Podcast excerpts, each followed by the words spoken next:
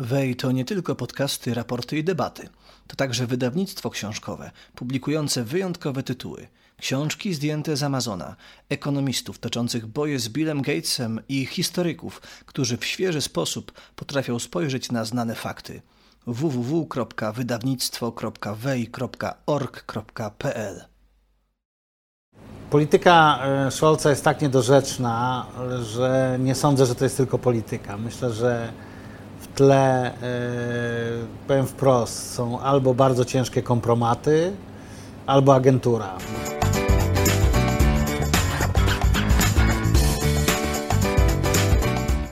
ten moment po prostu musiał nadejść. To wisiało w powietrzu, że w końcu się pojawisz tutaj e, w moich rozmowach w Świetlicy Wolności.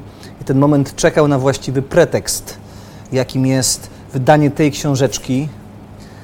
Przyjrzyjcie się Państwo dokładnie, bo znacie Czarka Kaźmierczaka przede wszystkim z działalności w ZPP jako takiego reprezentanta polskich przedsiębiorców, a tutaj um, ujawnia swoją opozycyjną kartę w sposób e, podlany humorem i nie do końca e, nie jest to publikacja historyczna, zresztą to jest zaznaczone na wstępie, jest to, są to wspomnienia luźno spisane właściwie. E, opowiedz, Czarku, jak to było z tą Twoją działalnością opozycyjną i z tymi więzieniami, które zwiedzałeś w latach 8.1-8.2? Czy tutaj to ja tak, jeżeli chodzi o te wspomnienia, to ja tak trochę awansem zostałem zamknięty. Y, w, w, takim sensie, że ja tam jakimś, w tamtym czasie jakimś wielkim działaczem nie byłem. Ja dopiero jak wyszedłem z więzienia, to, to dopiero e, zacząłem poważnie się zajmować na wielką skalę mhm. E, działalnością opozycyjną e, i to przez lata. Wręcz, byłem wręcz zawodowym konspiratorem w latach 83-89 e, na fikcyjnym entacie w kurii biskupiej. E, natomiast tutaj to trochę tak awansem zostałem zamknięty, no ale tam byłem młody mm, e, i taki buńczuczny i, i z powodu zachowania, a, a, nie jakby mm, rekordu po, poprzedniego, tylko z powodu zachowania w więzieniu, no to mnie tam trzymano prawie do końca. Czyli nie potrafiłeś trzymać języka na wodze. Jak trzeba było odpyskować, to odpyskowałeś. No, to były takie trzy grupy mm, więźniów. E, taka najliczniejsza, powiedzmy 80% ludzi to e, uważała, że klawisz to jest powietrze i nie należy w ogóle reagować na to w żaden sposób. I to powiedzmy 80% takich było. 10% to było, że klawisz to jest bliźni, który zbłądził i trzeba go nawracać. No i 10%, że klawisz to wróg i trzeba go zwalczać. No i ja byłem w tych 10%. 10%. No i e, to zostało, że tak powiem, zauważone i docenione odpowiednio. W których to więzieniach przebywałeś? Ja zacząłem od zakładu karnego w Siedlcach. Okay. Potem był zakład kar, e, ośrodek e, internowania mieszczący się w zakładzie karnym w Lublinie przy ulicy Południowej. Potem był Załęże, e, zakład, ośrodek ozdobniemy e, mieszczący się w Załężu i skończyłem w Bieszczadach e, w Nowym Łupkowie. W sumie, jakbyś podliczył, czas spędzony za kratami? No, w sumie, no to, w sumie to siedziałem rok. To znaczy tutaj siedziałem 10 miesięcy, tak, ale jak wyszedłem z więzienia, to oni chcieli mnie skłonić do wyjazdu za granicę. E, i byłem regularnie e, dwa, trzy razy w miesiącu zamykany na 48 godzin bez dyskusji żadnych. Także Prewencyjnie. Byłem już tak, przyzwyczajony. Nie, nie, chodziło o to, żeby tak w ramach przekonywania cię do wyjazdu. Uprzykrzyć tak życie, okay. żeby wyjechał, tak? Okay. No, po prostu nawet często nikt ze mną nie rozmawiał. Szedłem sobie ulicą, podchodziło iluś tam panów i mówię, proszę bardzo. na 48 godzin, bo tyle mogli. Chociaż raz, e, dwa razy miałem taką karuzelę zrobioną, e, czyli trzy razy po 48 godzin. E, czyli ja wychodzę, Mówią, zaraz, zaraz, a zapraszamy tutaj i do Mińska Mazowieckiego. To z pełną kulturą zapraszają. Różnie to było Miło, z tym. Sympatycznie.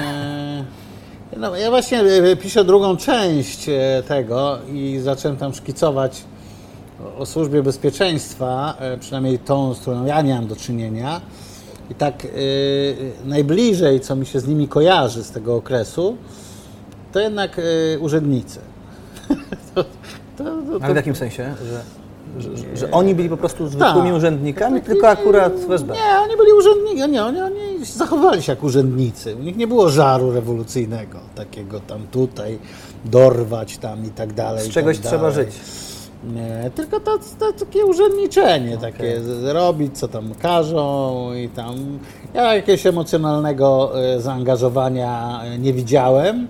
Ani jednego takiego wierzącego SBK nie spotkałeś? Strażnika, funkcjonariusza? No, ja, nie, tacy byli na pewno. Ja się nie zetknąłem. Poza tym my żeśmy przeprowadzili pewne prewencyjne działania, żeby e, e, tam usiedliśmy z, kolega, z kolegami w 1983 roku. No i tak e, weźmy, no, no, nie może być tak, że oni będą czuli, że oni są bezkarni zupełnie, że im nic nie grozi, że mogą sobie robić co chcą. E, I przeprowadziliśmy kilka takich działań e, prewencyjnych w stosunku do Służby Bezpieczeństwa, która bardzo ich uspokoiła. Na przykład? No to był jeden w zasadzie rodzaj działań. Zasmradzanie kwasem masłowym samochodów, który był wtedy relikwią i mieszkań, tak? Zrobiliśmy dwa mieszkania i kilka samochodów i to bardzo ich powstrzymało przed... E, no samochód to był wtedy świętością. Zasmrodzenie takiego samochodu tym kwasem, to produkował e, mhm. taki Alek Rusiecki e, mm, z Warszawy, mieszkał na Śniadeckich, syn takiej reżyser Joanny Wierzbickiej. I ja z nim siedziałem w więzieniu, później on mi dostarczał te, te, te, te specyfiki. E, no i to był dramat, to tak śmierdziało, samochód trzeba było do rosołu rozbierać e, po tym. To, to było nie do, e, nie do ruszenia. No i po tych akcjach, które żeśmy przeprowadzili w 83-84 na tych samochodach i na mieszkaniach, no to zapał rewolucyjny zdecydowanie zmalał. Zdecydowanie zmalał, tak? Znaczy oni zobaczyli, że może fizycznie to im tam nic nie grozi, bo takich pomysłów to nie było, żeby coś z nimi fizycznie robić. Natomiast no jednak e, e, zasmrodzenie tego dzieciątka, tak. za, zasmrodzenie tego dzieciątka samochód, no to była jednak e, potworne, potworna represja. No powiedz, ty nie wspominasz tego czasu spędzonego w więzieniu, jako mm, szczególnego dopustu Bożego. Wręcz w Twoim przypadku to był czas, e, żeby użyć nowoczesnego anglicyzmu networkingu zaawansowanego, intensywnego. No z całą pewnością, to ja nie w życiu bym nie, takich ludzi nie poznał. Nie miałbym nawet szans, się, żadnych szans, e, żeby móc poznać tego typu ludzi, którzy tam byli. Były to swego rodzaju elity no, ci ludzie studiaci, późniejszy prezes Trybunału Konstytucyjnego, późniejszy prezes Sądu mhm. Najwyższego i tak dalej, i tak dalej. E, można tam wymieniać e, ministrów iluś tam. No, takie elity intelektualne kraju, ja nie miał żadnych szans się zetknąć. Ale to znaczy, że to PRL-owskie więzienie polityczne w latach 80., bo nie wiem jak było wcześniej, ale w latach 80. E, nie łamało ludzi, psychiki, nie, nie tłumiło właśnie zapału do działalności opozycyjnej, tylko e, jakby... Tak, myślę, że e, mniej więcej Oczywiście to jest taka wiedza intuicyjna jedna trzecia z więzienia wychodziła rezygnując z, dalszej działalności. Jedna trzecia, tak jak weszła, tak wyszła, a jedna trzecia wychodziła mocno zradykalizowana. Znaczy ja wyszedłem, mhm. byłem wśród tych, którzy się mocno zradykalizowali, tak? Mhm. No i znam wielu takich, którzy po wyjściu dopiero w ramach tego networkingu czy budowania sieci znajomości to się otarłeś nawet do późniejszego ministra Macierewicza. No wielu tam było. Nie, Antoni był postacią e, dość znaczącą i w więzieniu w Załężu i, e, i w więzieniu e, w Łupkowie. No, nie chwaląc się, przeprowadziłem do niego kilka zamachów tam z, z powodu. Jestem chyba jedyną osobą, która bezkarnie, e, bezkarnie podkopywała autorytet, e, można powiedzieć. Tak, my mu wyroki śmierci wysłaliśmy. E, Nie no, jak wyroki śmierci? Chwila, chwila. Tak, tak, wyroki śmierci na poważnie, jako podhalańska grupa terrorystyczna. Mieliśmy takie litery PGT ociekające krwią. I on grał w tych piłkarzyków tam z tymi swoimi koleżkami, nie dając tam spać. W związku z tym byliśmy zmuszeni wysyłać mu te wyroki śmierci. Przeraził się? Na które on nie reagował, niestety. No to musieliśmy zlikwidować narzędzia mm, zakłócają nam spokoju, czyli ukraść i zniszczyć piłeczkę, tak? Za którą była próba linczu na nas. No bo to jednak rozrywka jedyna, albo jedna z niewielu. Tak, tak, tak. No ale oni tam e, potrafili do godziny czwartej rano e, na pełny regulator się tam wydzierać e, i grać w to. E, Gdyby posłuchał naszych ostrzeżeń, e, bo my to pisaliśmy w takim tonie e, 155 poważne ostrzeżenie, coś jak rząd chiński do rządu amerykańskiego e, w latach 60. E, Czy, czy rząd koreański, północno-koreański obecnie, prawda? Tak, Podobnie- tak, tak. historia. E, No niestety Antoni e, w żaden sposób e, Nie reagował. nie reagował i musieliśmy przystąpić tutaj do działań bardziej radykalnych. E, Piszesz też, że nadrobiłeś e, lektury w więzieniu. Literaturę rosyjską przeczytałeś Tak. od A do Z? Tak, tak, tak. No, no, Więzienie, biblioteki były świetnie zaopatrzone przede wszystkim w literaturę rosyjską i to... Nie tylko, nie tylko w rewolucyjną, ale też No tą nie, klasyczną. nie, no była klasyka, no, był Czechow, był Gogol, Dostojewski, to wszystko było, tak? Więc mo można powiedzieć, że e, więzienie to jest początek, był taki początek fascynacji e, mojej w ogóle literaturą rosyjską, z której e, do, do, do, dzisiaj mi pozostała. Czytam też współczesnych mm, pisarzy rosyjskich. W zasadzie wszystko, co jest ważniejsze tam wychodzi, to znam. E, również kino, oni mają kino niezłe też. No więc właśnie tak grawituję w stronę tej Rosji celowo, bo kilkukrotnie spotkałem się ostatnio z taką argumentacją w kontekście tego, co się obecnie w Rosji dzieje, mm, że tak naprawdę to nie powinniśmy od Rosjan wymagać jakiegoś obywatelskiego sprzeciwu wobec e, działalności Putina, wobec wojny w Ukrainie, no bo przecież nie jesteśmy w stanie wczuć się w ich e, pozycję, gdy oni są zagrożeni opresjami różnego typu, zwolnieniem z pracy, więzieniem, spałowaniem itd. itd. I takie opinie słyszałem od ludzi z zachodu Europy, którzy wyrażają prawda, tutaj empatyczną postawę wobec nich. No i chciałem zapytać Ciebie w kontekście Twoich doświadczeń z PRL-em, bo skądinąd też wiadomo, że w PRL-u nie każdy był opozycjonistą, prawda? Nie każdy, e, nie każdy Nie, no przeciwstawiał się oczywiście. systemowi i słynna mała stabilizacja też była po, po, powszechnym e, standardem, powszechną postawą. Więc jak Ty to oceniasz? Czy faktycznie e, ma, mamy się teraz e, roztkliwiać nad tymi zwykłymi Rosjanami i wybaczać im albo wręcz rozumieć ich taką przecież jednak bierną postawę, bo było tam trochę protestów na początku tej wojny, ale one były i się skończyły, to tyle. No, no, ja jestem rusofilem, czego nie, nie kryję, natomiast zdecydowanie... Rusofilem czy rusofobem? rusofilem. Rusofilem. Natomiast zdecydowanie, zdecydowanym wrogiem rosyjskiego samodzierżawia i putinizmu i tych innych rzeczy. Oczywiście, że nie możemy wymagać heroizmu od zwykłych Rosjan, natomiast e, większość Rosjan to popiera. E, To, co, powinni, co możemy wymagać e, w sposób uczciwy od obywateli Federacji Rosyjskiej czy Rosjan, to to, że nie będą popierać tego. Nie, nie muszą ko- koniecznie się temu bardzo przeciwstawiać, bo rzeczywiście w dzisiejszej Rosji jest to jakiś akt, akt heroizmu i trudno od ludzi. Znaczy, uważam, że wymaganie od ludzi heroizmu jest niemoralne. E, Natomiast e, e, to, co po- powinniśmy wymagać, i to nie popieranie tego, natomiast no, niestety większość Rosjan to popiera. Jest to naród bardzo głęboko pokaleczony. Ja w Rosji byłem wielokrotnie mm, e, i, i, i wypiłem tam e, wannę wódki z nimi. E, Więc no, jest to mocno pokaleczony naród z mocno poharatanym kręgosłupem i mózgiem, któremu w dużej mierze w, i w latach komunistycznych i na początku lat 90. e, odebrano godność. Czy to, że oni e, jakoś nie, nie popierają nie wiem, demokracji za, czy Zachodu i tak dalej, i tak dalej. Dla nich demokracja, e, wolny rynek, Zachód to jest tak, brak pracy, mafie, strach przed wyjściem na ulicę, e, niewypłacanie pensji, e, głód, bieda, strach, bo takie były lata Dla nich, 90. e, Właśnie, dla nich lata 90. Tak. to jest jakiś koszmar. Tak, I, i, i to dla nich to jest Zachód. Oni uważają, że tak, to jest Zachód. To nie oni, to Zachód. To tak, nie, nie, to, nie, tak wygląda Zachód według nich, tak? E, z tym im się kojarzy, przeciętnemu takiemu Rosjaninowi.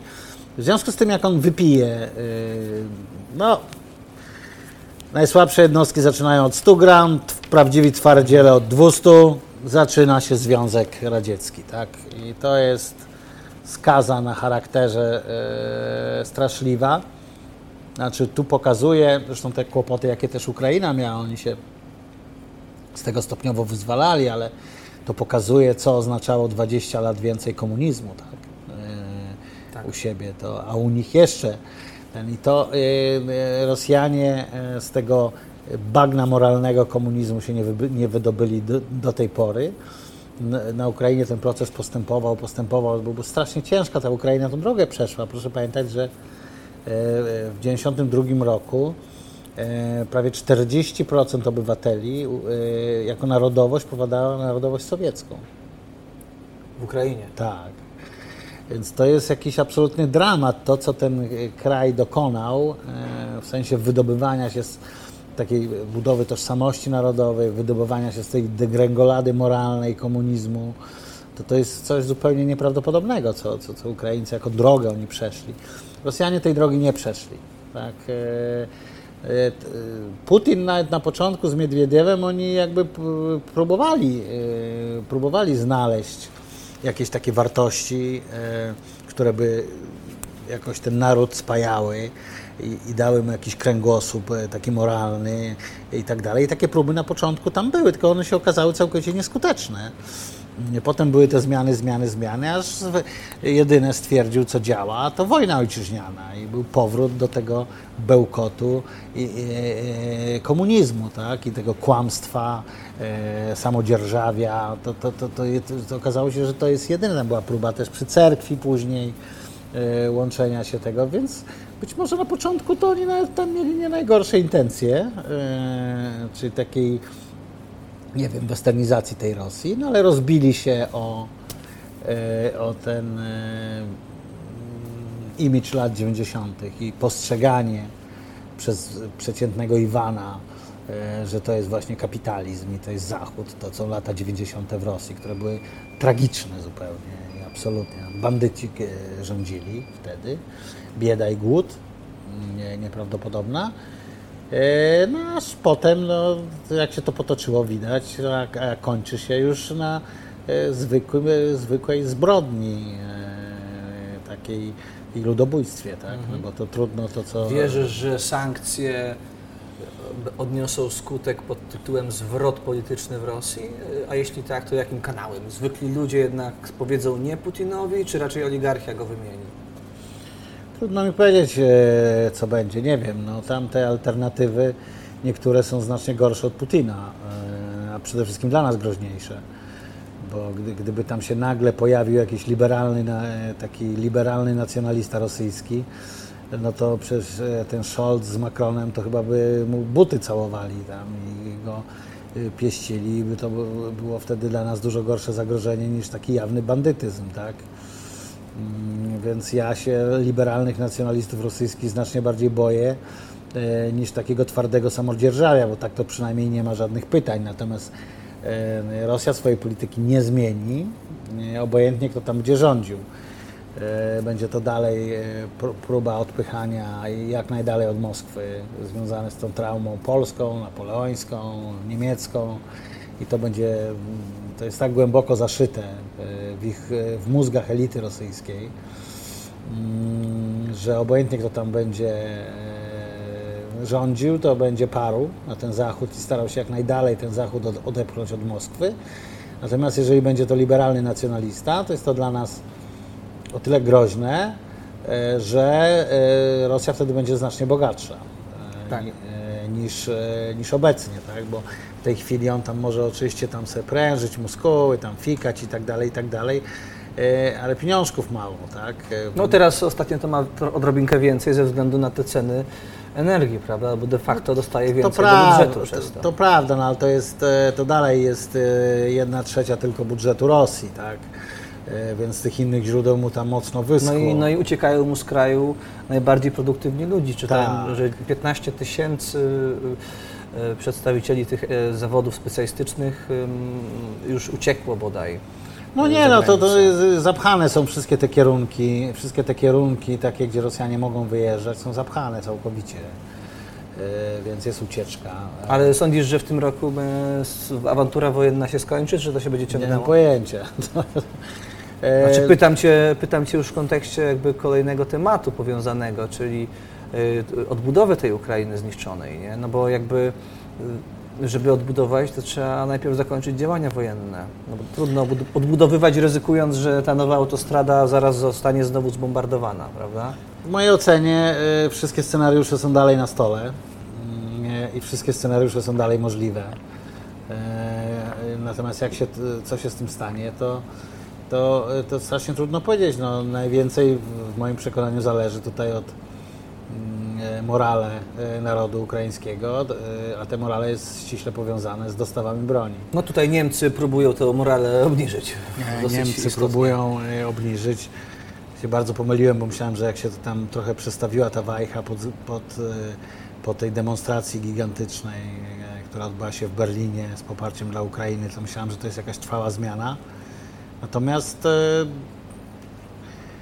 polityka e, Scholza jest tak niedorzeczna, że nie sądzę, że to jest tylko polityka. Myślę, że w tle, e, powiem wprost, są albo bardzo ciężkie kompromaty, albo agentura, bo to niemożliwe, żeby ktoś postępował tak wbrew nawet swoim interesom, swoim własnym Tak. interesom, tak, bo przecież on nie jest idiotą i wie, że mm, Francuzi nie chcieli umierać za Monachium, a dwa lata później w ciągu jednego miesiąca milion z nich poległo na froncie, tak, więc nie sądzę, żeby tego jakiś y, człowiek, który ma dwie szare komórki, które mają ze sobą styk, tego nie rozumiał.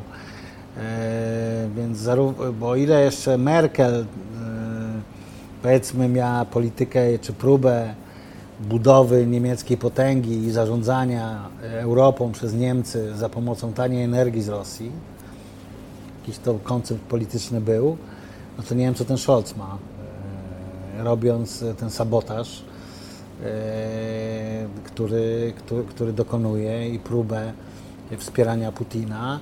Na pewno dla Polski jest tutaj bardzo ważna lekcja z tego, e, co wyciągnięta, co już się dzieje jakby.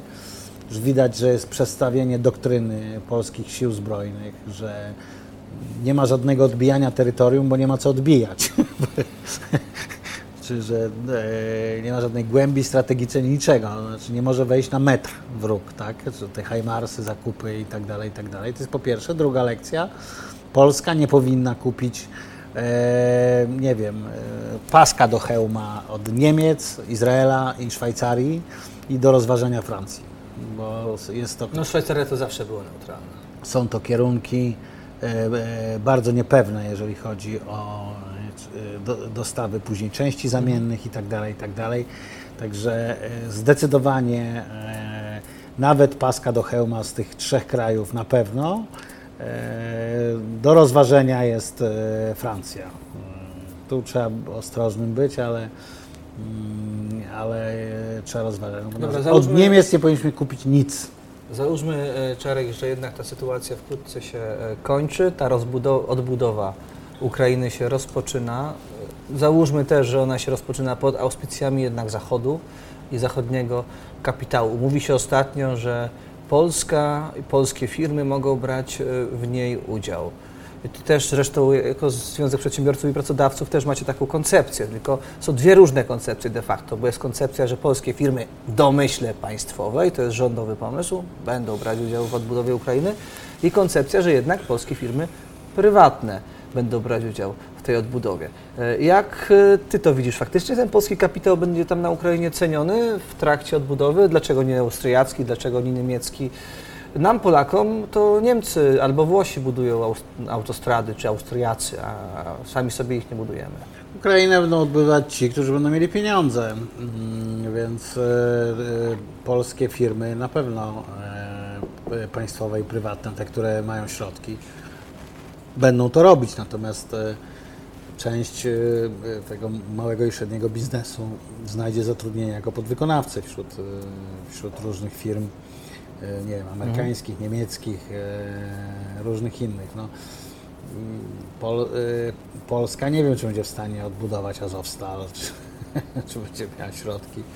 No to gdzie te polskie firmy mogą się znaleźć jako ci Nie, no kontrahenci tam jest pod, mnóstwo, logistyka, transport, e, infrastruktura, e, pełno jest tego. E, znaczy, w tych dziedzinach e, przez przemysł spożywczy, no my dzisiaj zaczęliśmy akurat e, konsultacje, z, dzisiaj mieliśmy przemysł, mamy potem kolejne, kolejne branże, rozmawiamy, będziemy mieli konferencję za chwilę w Lwowie, w Kijowie. Próbujemy się krzątać e, wokół tego i próbujemy zapewnić najlepsze pole position dla, e, dla polskich firm, natomiast nie ma co się oszukiwać. No, odbudowywać będą ci, którzy wyłożą na to pieniądze. Tu bardziej może jest jakaś przestrzeń na wzmocnienie relacji handlowych bardziej niż inwestycyjnych. Z całą pewnością też. E, Trzeba zacząć i to już teraz e, na pewno od e, przejść granicznych, bo to jest e, dramat, głównie po stronie ukraińskiej. I tutaj, e, nie wiem, e, Zachód, Polska powinni przede wszystkim w to zainwestować teraz, już. W sensie przepustowości? Przepustowości e, są ładne, pobudowane e, nawet na euro, e, przejścia graniczne, do których nie ma dróg ze strony ukraińskiej e, odpowiednich, więc to trzeba już zrobić. I, i, i to mm, z tych funduszy, nie wiem, czy amerykańskich, które poszły, trzeba lobbować, żeby to mm, się szybko zadziało, tak? E, bo- już e, gigantycznie biznes wrócił w dużej mierze. No, są gigantyczne korki na granicy. To są nieprawdopodobne. Teraz kolega był e, dwa dni temu, mówił, że nie widział jeszcze nigdy, a jeździ na Ukrainę bardzo często. Jeszcze nigdy nie widział e, Takich korków. takie, te, takiej kolejki W do, tamtą stronę. do granicy. e, Tak.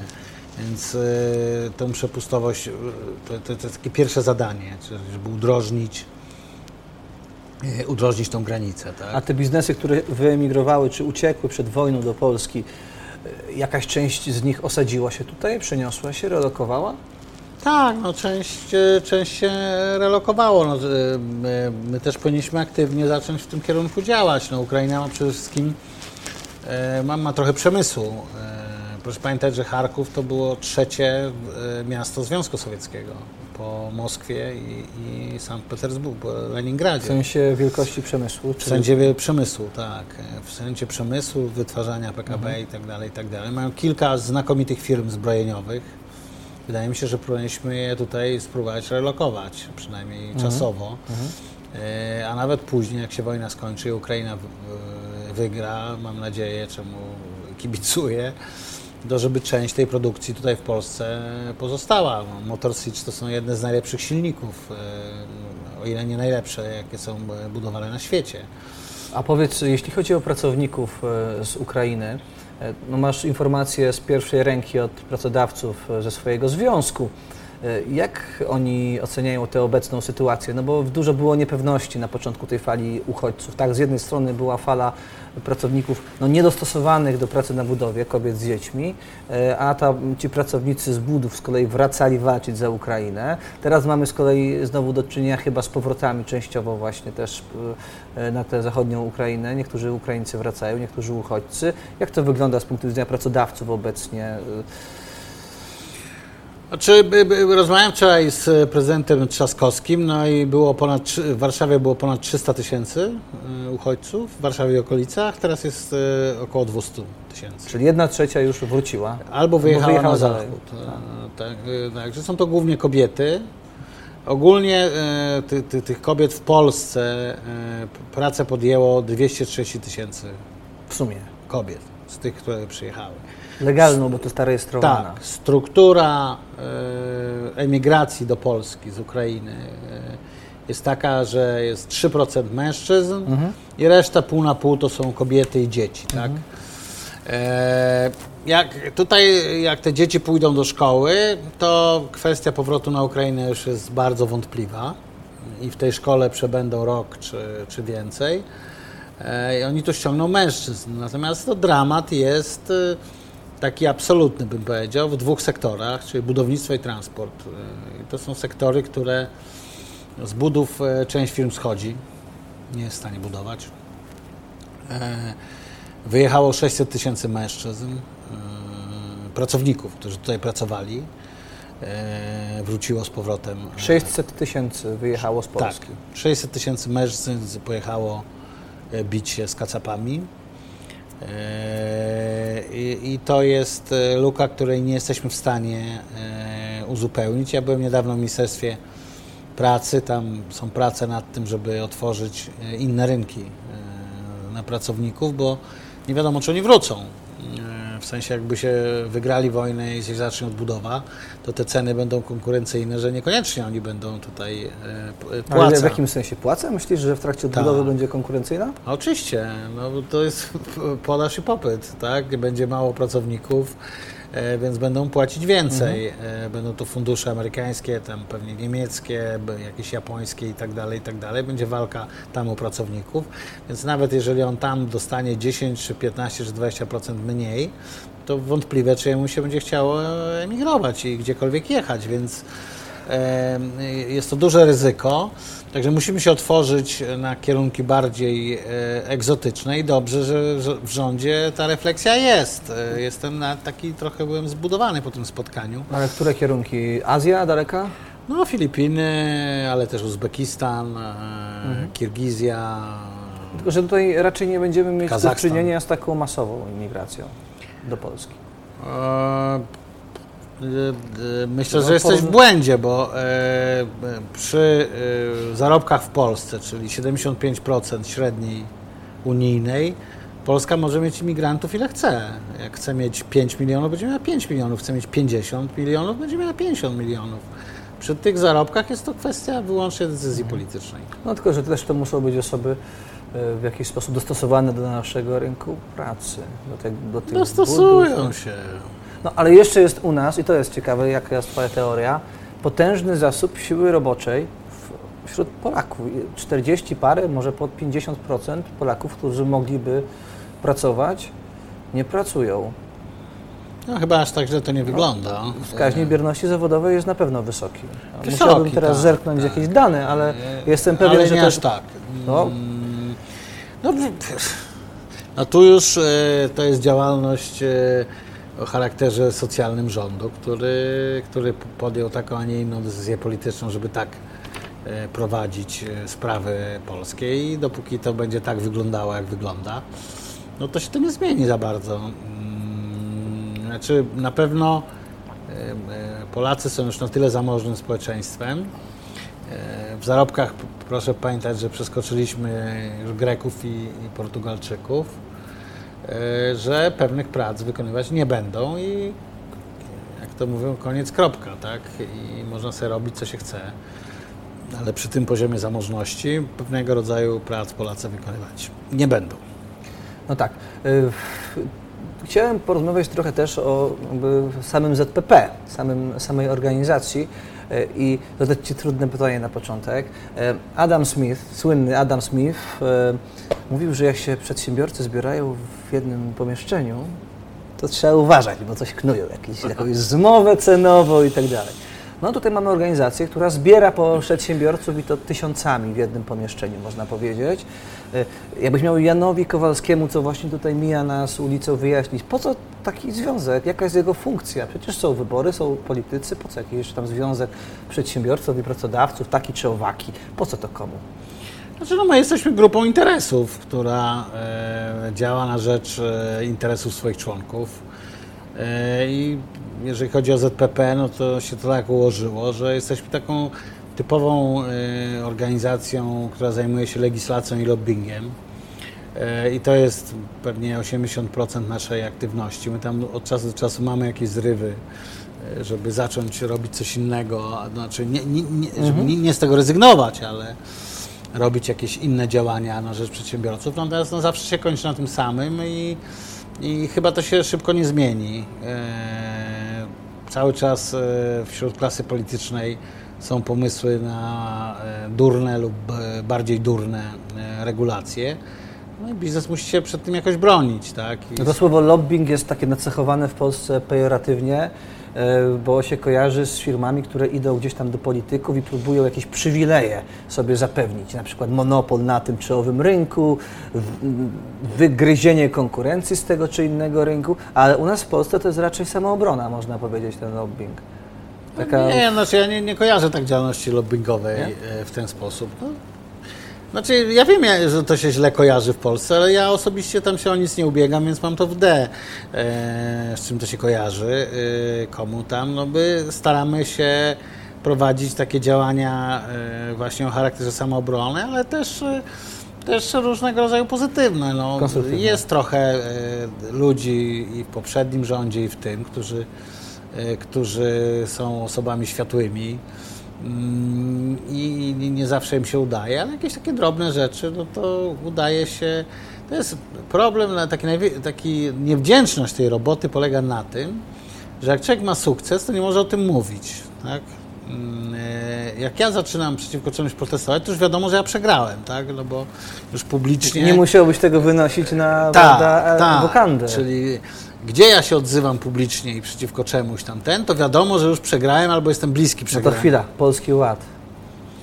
No, Polski Ład. e, e, W ogóle co to jest? zdro- zdrowie na walce z Polskim Ładem straciłem. To co to jest ten, chwila, co to w ogóle jest ten Polski Ład? Bo teraz ja już się pogubiłem. Co było planem, co było realizacją, kiedy nastąpił odwrót i co się pod tym pojęciem kryje? To chyba nawet... Znaczy odwrót e, nastąpił, e, bo się wydarzyło to, przed czym przestrzegaliśmy, no, że już pomijając e, e, nie, nie najrozsądniejsze rozwiązania, e, które tam zaproponowano, ale no to Polski Ład jest dziełem grupy e, młodych neomarksistów, którzy opanowali premiera i zawładnęli jego duszą i wytłumaczyli mu, że e, prawa ekonomii to, e, jak to nie istnieją już w zasadzie, że tani pieniądz to będzie zawsze i tam tym podobne głupoty. No teraz to jest wyjątkowo tanie, muszę przyznać. tak. E, no i niestety premier im uwierzył. E, i, I to przeprowadzili. No, te rozmowy z nimi były strasznie trudne i, i no, trudno z kimś rozmawiać, kto kwestionuje mm, istnienie e, podstawowych praw ekonomii. No. E, No ale e, jak za Breżniewa, któregoś dnia matematyka Zapukała do drzwi. Tylko, że jak teraz y, wracając, chcemy mówić o odbudowie Ukrainy też y, z udziałem polskiego kapitału, no to te polskie firmy muszą mieć u siebie stabilny grunt, prawda? No bo nie będziesz patrzył, y, nie będziesz myślał o inwestowaniu y, za granicą, jeżeli tracisz u siebie albo nie jesteś pewny jutra, jeśli chodzi o legislację podatkową chociażby we własnym kraju. o, są możliwe relokacje też. To, A to jest już najczarniejszy scenariusz, żeby polskie firmy się relokowały. Chociaż z drugiej strony na Ukrainie już wa- warunki, jeśli chodzi o działalność firm, są przyjaźniejsze niż w Polsce. No, tam poza wojną są oczywiście. różnego rodzaju pomysły, takie typu działania a la Ludwik Erhard, tak? Mi się taka anegdota przypomniała, jak czytałem jakieś wspomnienia jakiegoś e, ambasadora amerykańskiego w Niemczech e, zaraz po wojnie, e, że tam został zobligowany do pójścia do Erharta i go ostrzegania przed jego libera, ordo liberalnymi reformami i przyszedł do niego i zaczął go tam e, straszyć, że to wszystko się skończy katastrofą, że on nie powinien tak ich przeprowadzać, że to jest w ogóle radykalne i tak dalej, i tak dalej. E, na co Erhard mu odpowiedział, bardzo się pan zdziwi, proszę pana, moi doradcy mówią mi to samo. Także jeśli Ukraina pójdzie drogą Erharta, no to, e, to nie wiem, jak to się skończy, ale to bardzo dobrze. E, Życzę tego Ukrainie. Wtedy nasi może bardzo szybko e, zmądrzeją. Mm, Będzie taki przyspieszony kurs mądrzenia e, polskiej klasy politycznej. E, No, życzę Ukrainie tych dwóch rzeczy, żeby wygrała wojnę e, i żeby wdrożyła takie reformy, które e, i takie, takie regulacje prawne, które są w stanie szybko ich, e, szybko ich postawić na nogi. W przypadku Polski, wbrew tym wszelkim przeciwnościom, no, kluczowych, takich e, tutaj wewnętrznych, i, i, które, które się pojawiają, no, kluczowe się okazało wejście do Unii Europejskiej i dostęp do rynku 500 milionów zamożnych konsumentów. To było absolutnie kluczowe, jeżeli chodzi o. No Ukraińcy liczą na to samo. Ukraińcy liczą na to samo, że też do, e, e, dostaną dostęp do, do, do, do, do tych milionów ludzi. Mm, tak, czego im też życzę, choć e, no tam to nie będzie łatwa sprawa, jeżeli chodzi o instytucje ukraińskie. One teraz może tam lepiej działają trochę, ale Ale nie byłoby nawet na składkę członkowską. no, składkę możemy im darować, e, natomiast no, tam jest duży, że tak powiem, bardak taki mm, prawno-administracyjno. No korupcja, Korupcja, była i jest. To tak. Z tym sobie Żeleński nie poradził. To trzeba przyznać, że sam też, e, Żeleński, jeżeli wygra wojnę, to on sobie poradzi z czym będzie chciał na Ukrainie. jeżeli wygra wojnę, bo Tak. wtedy zachowa ten szacun na dzielni, nie? Tak. To będzie wtedy y, mógł robić, co będzie chciał. No zobaczymy, co się wydarzy. No, No przychodowy podatek już mają. e, wszystkie scenariusze na Ukrainie leżą na stole. Tak? W którym kierunku to się potoczy? W dużej mierze to zależy od Zachodu. Bardzo dużej mierze i od dostaw ciężkiej broni.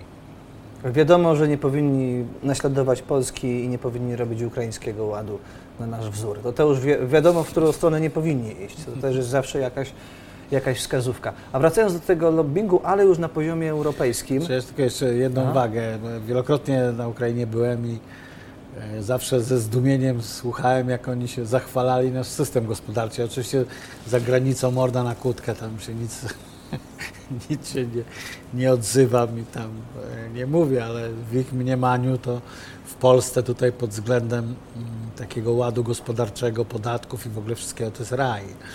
Nie, no, nie wyprowadzając z błędu, nie, nie, mam zwy, nie mam zasadę żelazną, że za granicą nie mówię źle o.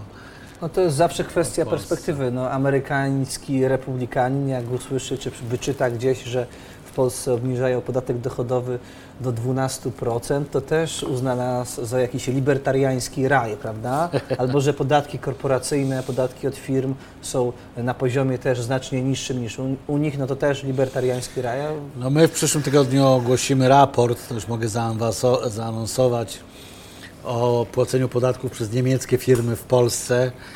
No jeżeli to nie wstrząśnie opinią publiczną, to ja nie wiem, co już może wstrząsnąć.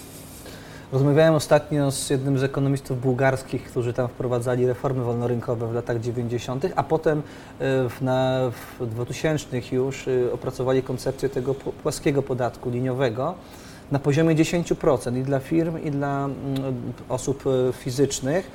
I pytam go, no ale żeście sobie wykoncypowali, że to jest 10% akurat tego podatku, a nie 15 albo 7,5%. No bo wtedy mieliśmy tam jakieś podatki, zbadaliśmy jaka jest efektywna stopa oprocentowania, ale też poszliśmy do doradców podatkowych, do prawników i zapytaliśmy ich, a ile musielibyśmy Wam zapłacić, żebyśmy, żeby uniknąć na przykład, tyl, żeby ukryć tyle a tyle dochodu? Jaki jest koszt? No i okazało się, że to jest mniej więcej 10% tego, czego chcesz uniknąć. No stwierdzili, dobra, 10% to 10% i, e, i w związku z tym, że wszystko, m, że to jest taka jakby efektywna stopa też z punktu widzenia pragmatyki płacenia podatków, e, udało im się wypracować taki poziom w Bułgarii, że właściwie każdy Bułgar płaci podatki i ich nie unika. Nie dlatego, że jest uczciwszy niż Ja Polak. Rumun czy Anglik, dlatego, że po prostu uniknięcie e, tych, tego 1% było, przekraczałoby ko kosztami korzyści, prawda, z tego. Niestety, no, w Polsce będziemy musieli podnieść podatki. Polska musi stać fortecą. Mm, e, Natomiast tu mamy tu rezerwy. No, myślę tu o VAT-ie głównie, o jednej stawce VAT. Jak można by podnieść podatki, a z drugiej strony można by obciąć trochę tego socjału, przecież to są miliardy złotych. To na pewno, znaczy jeżeli Polska e, przed wyborami to jest nierealne, więc e, nie ma o czym tam mówić, ale jeśli po wyborach e, Polska nie zrobi resetu gospodarczego, takiego twardego, e, który będzie między innymi polegał też na rezygnacji z części, mm, z części wydatków socjalnych e, i z podniesienia też podatków, myślę tu głównie o podatku VAT, no bo tu są największe rezerwy, w postaci jednej płaskiej stawki. e, to grozi nam to zaprzepaszczeniem wzrostu gospodarczego, sukcesu i zamożności ostatniej dekady. No już teraz widać, że, że ten model obecny jest nie do utrzymania, ta inflacja to pokazuje, prawda? No, w tym Czy momencie Polacy jest... pierwszy raz e, są tak bogaci e, w swojej historii, jak te, nigdy takie jak teraz nie byli i trudno im się z tym rozstać. Tak, tak, tak, ale, ale ta inflacja wysoka 14% sprawia, że już realnie obniża się jakość życia. Jakby no tak, 2000... ludzie nie rozumieją, że muszą, e, że lepiej teraz zrobić coś e, szybko, na twardo, e, przyciąć tak, tak. pewnego rodzaju rzeczy, niż wejść w długotrwałą, długotrwałą recesję. Natomiast to nam grozi, tak? Niestety żyjemy w ustroju demokratycznym. Znaczy niestety, no dobrze, no tylko to durny ustrój jest, ale lepszego od niego nikt na razie jeszcze nie wymyślił, jeżeli chodzi o wyłanianie administracji. No ja mam nadzieję, że po wyborach jakaś refleksja, e, refleksja przyjdzie. No. To trzeba wymienić te składy neomarchistowskie, które tam doradzają. No, one chyba wpływy straciły w dużej mierze, no bo jednak ta kompromitacja e, Polskiego Ładu e, i, i, tych ich różnych rzeczy, które oni tam opowiadali, tym końcu tej ekonomii, te teoria tak, dawno tak. zmarłych ekonomistów i, tam, i tak dalej, i tak. dalej, i inne takie, no zostały całkowicie jednak skompromitowane, tak, więc e, i oni też mocno spuścili, e, spuścili z tonu, także, no ale zobaczymy, jak premier e, a jak oceniasz, jak oceniasz zagrożenia dla polskiego wzrostu gospodarczego, które rodzą się na poziomie unijnym? W sensie na przykład różnych takich e, regulacji, jak e, dajmy na to ten pakiet komunikacyjny, tak? ten transportowy, który wprowadza tam e, dla branży logistycznej pewne istotne obostrzenia. Tak? Jakby no, takich różnych regulacji jest sporo. No, Unia Europejska trzeba walczyć o to, trzeba walczyć. Yy, natomiast no, rzeczywiście oni systematycznie obniżają konkurencyjność europejskiej gospodarki w stosunku do świata. Yy, to już widać. Yy, Europa jest zamożna, ale to ta zamożność pochodzi w olbrzymiej mierze z finansowania europejskiego bezpieczeństwa przez amerykańskiego podatnika przez lata tak naprawdę, przez całą zimną wojnę i, i, i po zimnej wojnie. Europa jest w dużej mierze rozbrojona. E, te zagrożenia, które, które w Unii Europejskiej e, się dzieją, są związane z dwoma głównymi jakby elementami. Pierwszy to jest ideologizacja różnego rodzaju działań przez niewybieralne elity bru brukselskie, a drugie to jest realizacja e, twardych interesów e, narodowych przez państwa bogate. No właśnie, pytanie, czy Polska potrafi walczyć o swoje na tym e, szczeblu unijnym? Bo no jesteśmy rozumiem, za młodzi że... jeszcze trochę, żeby efektywnie to robić. Mamy kadry myślę, tam? Z czasem nauczymy.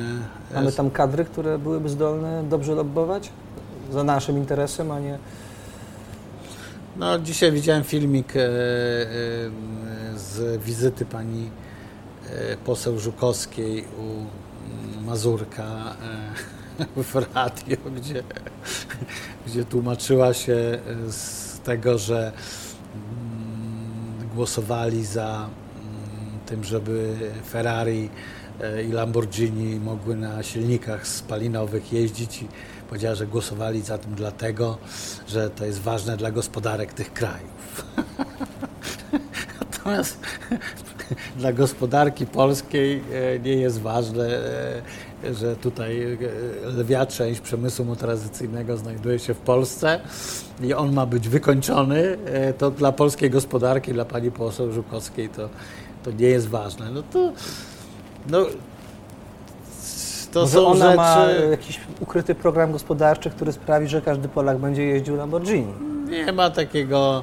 To jest stara zasada, że szampan to jest napój klasy robotniczej spijany ustami swoich najlepszych przedstawicieli. Tak, tak generalnie. Ta zasada nie umiera. Nie umiera, to jest, żyje, rozwija się i ma się dobrze. W Unii Europejskiej trzeba się bić o swoje. Hmm Polska tego nie za bardzo umie robić. E, teraz więcej niż kiedyś, bo kiedyś też żeśmy się obrażali. No tak jak w polskim Sejmie na przykład, bo to mhm. mniej więcej to tak samo wygląda, czy w tym otoczeniu tak. prawno-instytucjonalnym, jakby się ktoś obraził. No to już z tego etapu obrażania chyba wyszliśmy, mm, przynajmniej mam taką nadzieję. E, No i zaczynamy tam nieśmiało coś e, próbować, e, próbować dealować, walczyć i tak dalej, i tak dalej. Zobaczymy, no. Jest kwestia też nauki, no. A Niemcy... te KPO to sukces, czy nie? No bo koniec końców odblokowują chyba powoli. Ja jestem sceptyczny wobec KPO i zawsze byłem. Eee, KP, trzeba pamiętać, że KPO to są znaczone pieniądze przede wszystkim i to jest pożyczka. Tania pożyczka, owszem, ale to są znaczone pieniądze, które musimy wydać w Niemczech, e, w Skandynawii, w Beneluxie na technologie, które nam będą wskazane. E, Swobody Polska przy wydawaniu tych pieniędzy nie ma. Oczywiście korzyść z tego jakaś tam jest, no bo jak gdzie- gdzieś te pieniądze tam do, na końcu tego fryzjera czy coś tam Tak, gdzieś trafią. trafią. E, Natomiast e, uważam, że znaczy o KPO już jest niemożliwa merytoryczna dyskusja. No, to się temat stał polityczny i po prostu trzeba wziąć KPO koniecznie, bo, e, bo ten. Gdyby ode mnie zależało to, czy to brać, czy nie, to bym się bardzo głęboko zastanowił, czy się to nam opłaca brać. Co innego są fundusze europejskie w tych perspektywach finansowych, a co innego akurat to, czyli tanie, ale znaczone pieniądze No to na... jest trochę taki temat poboczny, nie? Znaczy, Tak. koncentrujemy się na jakichś marginaliach zamiast na tekście głównym, którym jest nie ma wciąż kompleksowej reformy podatków i tak dalej. No, prawda? instytucjonalnej, tak, Prawda? e, prowadzenia działalności gospodarczej, mały biznes jest Tak. zarzucany regulacjami i tak dalej, i tak dalej, którym nie jest w stanie e, sprostać i podołać. E, Natomiast no, jak coś w Polsce się stanie tematem politycznym, to już nie ma dyskusji. No, tamci mówią, jedna strona mówi, że nie będzie KPO, a druga, o będzie! No i, i koniec. I, I już nikt e, do środka tam nie zajrzy. Dzięki e, Czarku za rozmowę. Może kiedyś zajrzy. Zobaczymy. Dziękuję. Dzięki. A ja Państwa zapraszam na kolejne rozmowy z cyklu rozmowy Sebastiana Stodolaka, które się odbywały tutaj w Świetlicy Wolności. Pod nade mną jest e, szyld. E, Zasubskrybujcie proszę kanał.